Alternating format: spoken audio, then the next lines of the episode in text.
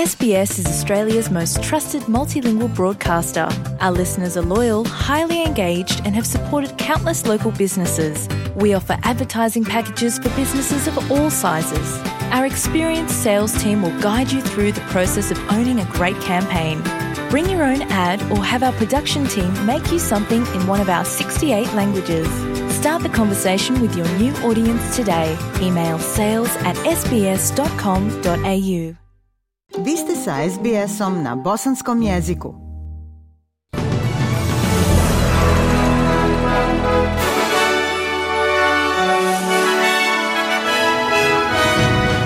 U današnjim vijestima poslušajte. Laburisti dobili većinu u parlamentu Novog Južnog Velsa. U Izraelu još traju protesti protiv reformi pravosuđa. I u tenisu Carlos Alcaraz pobjedio Bagnisa na Miami Openu. Laboristi su pobjedili na izborima u Novom Južnom Velsu, vrativši se u vladu nakon 12 godina opozicije. Bilo je nekih spekulacija da će glasanje rezultirati bezvećinskim parlamentom, ali izborni analitičari kažu da je radnička partija osvojila minimalnih 47 mjesta potrebnih za formiranje većinske vlade. Lider Laborista i novoizabrani premijer Chris Minns kaže da stranka namjerava maksimalno iskoristiti iskoristiti njihov povratak.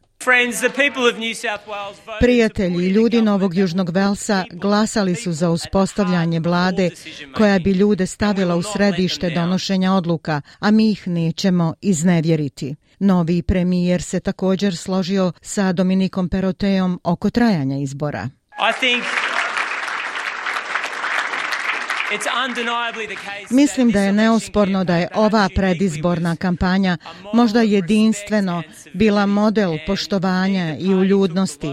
Nijedna stranka nije krenula lošim putem, niti primila neki loš udarac. I mislim da kampanja može biti model za način na koji djeluje demokratija u ovoj zemlji.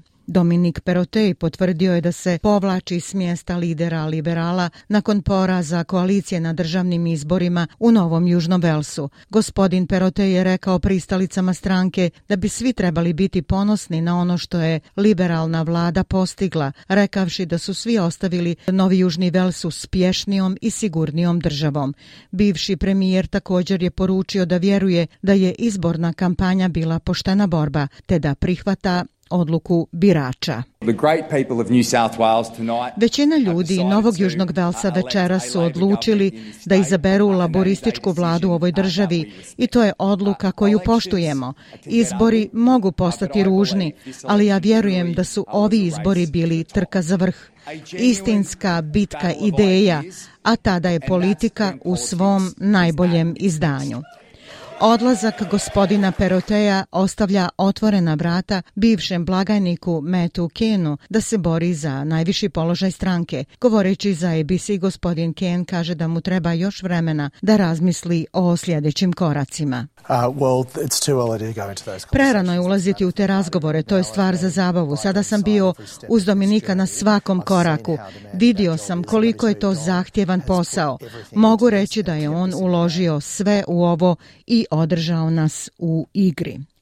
Vijesti iz svijeta u Izraelu, protesti u Tel Avivu protiv premijera Benjamina Netanjahua i njegovih planova da revidira pravosuđe u zemlji još traju. Prema pisanju izraelskih medija, okupilo se skoro 200.000 ljudi na glavnom protestu. Gospodin Netanjahu nastoji u svojoj vladi dati veću kontrolu nad imenovanjima sudija. Njegov prijedlog bi također oslabio Vrhovni sud ograničavanjem sudskog pregleda zakona i omogućio parlamentu da poništi sudske odluke prostom većinom glasova. Planirana reforma izazvala je najveće proteste od stvaranja države. Profesor Amit Pinčevaski, koji je bio na protestima, rekao je da će se pokret nastaviti. Netanyahu is not the issue anymore.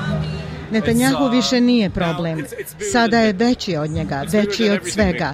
Nećemo se vraćati na ono kako su stvari bile ranije.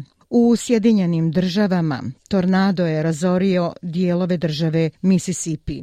Nacionalna meteorološka služba potvrdila je da je tornado prouzrokovao štetu oko stotinu kilometara sjeveroistočno od Jacksona, glavnog i najvećeg grada države.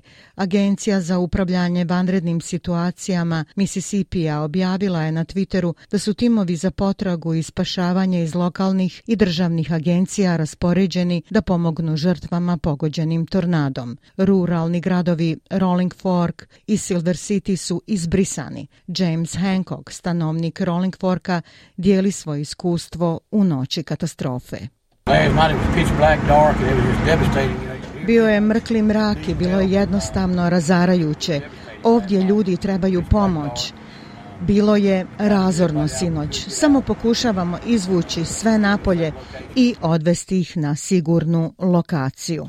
Koverta s bijelim prahom navodno je dostavljena uredu okružnog tužioca Manhattana nekoliko sati nakon što su tužioci koji su istraživali isplatu novca Donalda Trumpa, porno zvijezdi Stormy Daniels, 2016. rekli da se neće zastrašiti. Incident je posljednji u nizu prijetnji okružnom tužiocu Manhattana Alvinu Bragu od prošle subote kada je Trump pogrešno predvidio da će biti uhapšen tri dana kasnije dok se u Njujorku nastavlja postupak velike velike porote oko isplate 130.000 dolara. Takvi postupci obavijeni su velom tajne zbog čega je teško sa sigurnošću predvidjeti šta bi se i kada moglo poduzeti.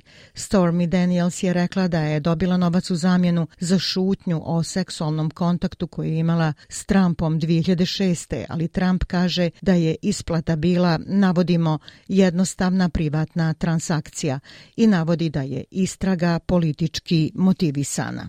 Južna Australija danas će održati specijalnu parlamentarnu sjednicu na kojoj će se usvojiti zakon koji omogućava glas starosjedilačkog naroda u državnom parlamentu. Sjednica u Domu Skupštine usvojit će prijedlog zakona laborističke vlade koji je već prošao u gornjem domu parlamenta. Nakon usvajanja guverner Francis Adamson, premijer Peter Malinauskas i ministar za pitanja aboriđina Kaja Mer javno će proglasiti zakon na stepenicama parlamenta. Zakonodavstvo Južne Australije predlaže da se u toj državi uspostavi šest regiona sa direktno izabranim predstavnicima.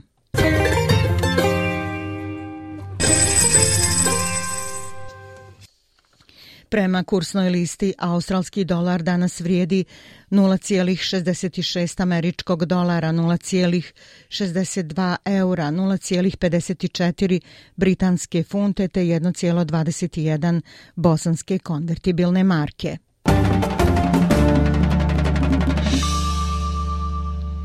Vijest iz sporta.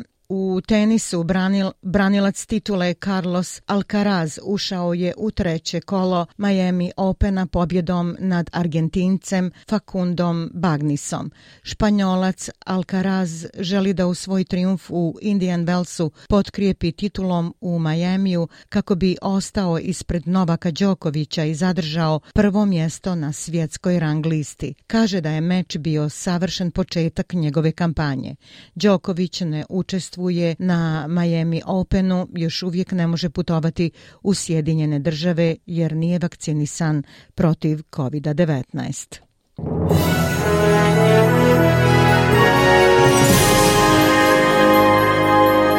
I za kraj vijesti poslušajte temperaturne vrijednosti za veće gradove u Australiji. U Pertu pljuskovi 26, u Adelaidu kiša također 24, u Melbourneu oblačno 20 kao i u Hobartu, u Kamberi 24, u Sidneju mogući pljuskovi 25, u Brisbaneu također pljuskovi 29 i u Darwinu 34 stepena.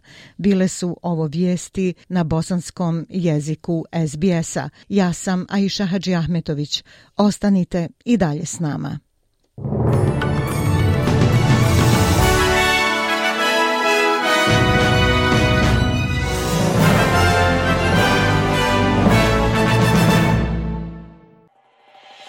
SBS na bosanskom. Podijelite naše priče preko Facebooka. Želite poslušati još ovakvih priča? Slušajte preko Apple podcasta, Google podcasta, Spotify ili kako god da primate svoje podcastove.